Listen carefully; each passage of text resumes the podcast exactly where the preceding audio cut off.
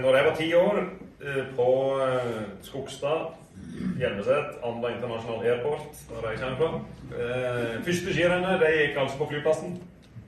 Det var skapelig. Det var ikke så mange kneiker.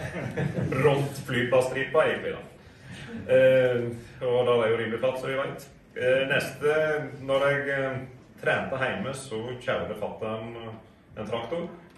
Sette han skuffa ned i akkurat så mye at mutter'n kunne gå bak med litt sånn eh, gamle treski-slalåmski med begge sånn, beksermer åpen. Så trampa han over sporet. Sånn gikk hun. Så jeg kan si at jeg, jeg er oppvokst med litt slingrete spor. Litt, Jeg skal ikke overdrive at jeg var litt slingrete. Vi satt der bare litt hard med, med skuffa så var det kling hardt. Så ble det bare gode skøyter på klassisk løp.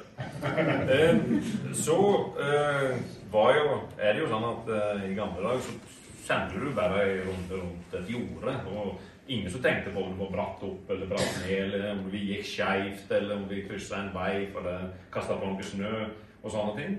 Og så blir det jo mer og mer over at vi skal gå i de løypene som vi konkurrerte i.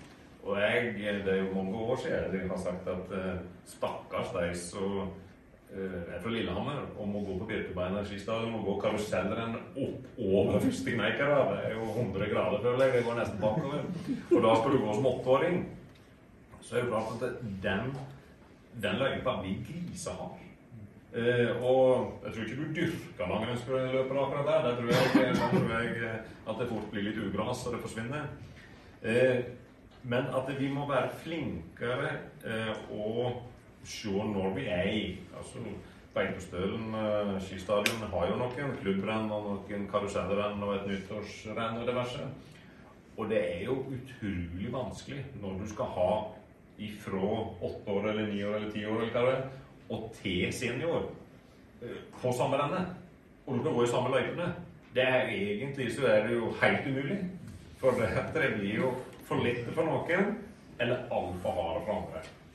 Og der er det jo, har jo dere en mulighet der dere kan komme inn og lage ei løype som ikke behøver å være så hard. Og den eh, Der syns jeg at dere skal bruke stemma deres på at eh, her Nei, eh, jeg syns ikke at 10-11-12-åringer skal gå her. Vi lager det litt lettere. For da får du faktisk en glede av dette her. Altså folk med håndnød og skal slite seg opp noen bakker så ikke ja, så vi ser de landslagsløperne sliter med. At du en tolvåring skal gå opp der, det blir helt feil. Derfor er det i gamle dager tror jeg det var lettere, for da bare setter du en stav ned i, og så setter du opp et lite merkebånd, og så rundt her.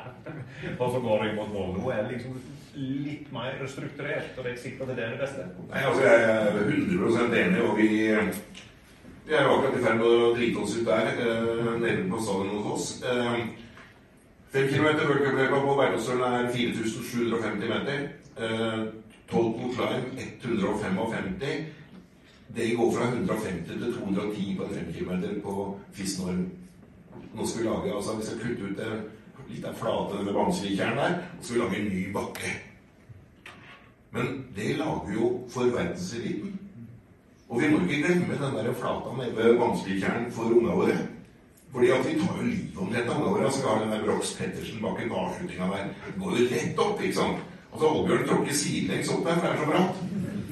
Så man står rett opp. Uh, ja, han er i form, da. Uh, nei, men altså, vi er jo og, og vi, altså, vi med åpne øyne, og da, får vi, da blir løypa litt lenger, og så, blir, så øker vi med tolv høydemeter første renn i sesongen.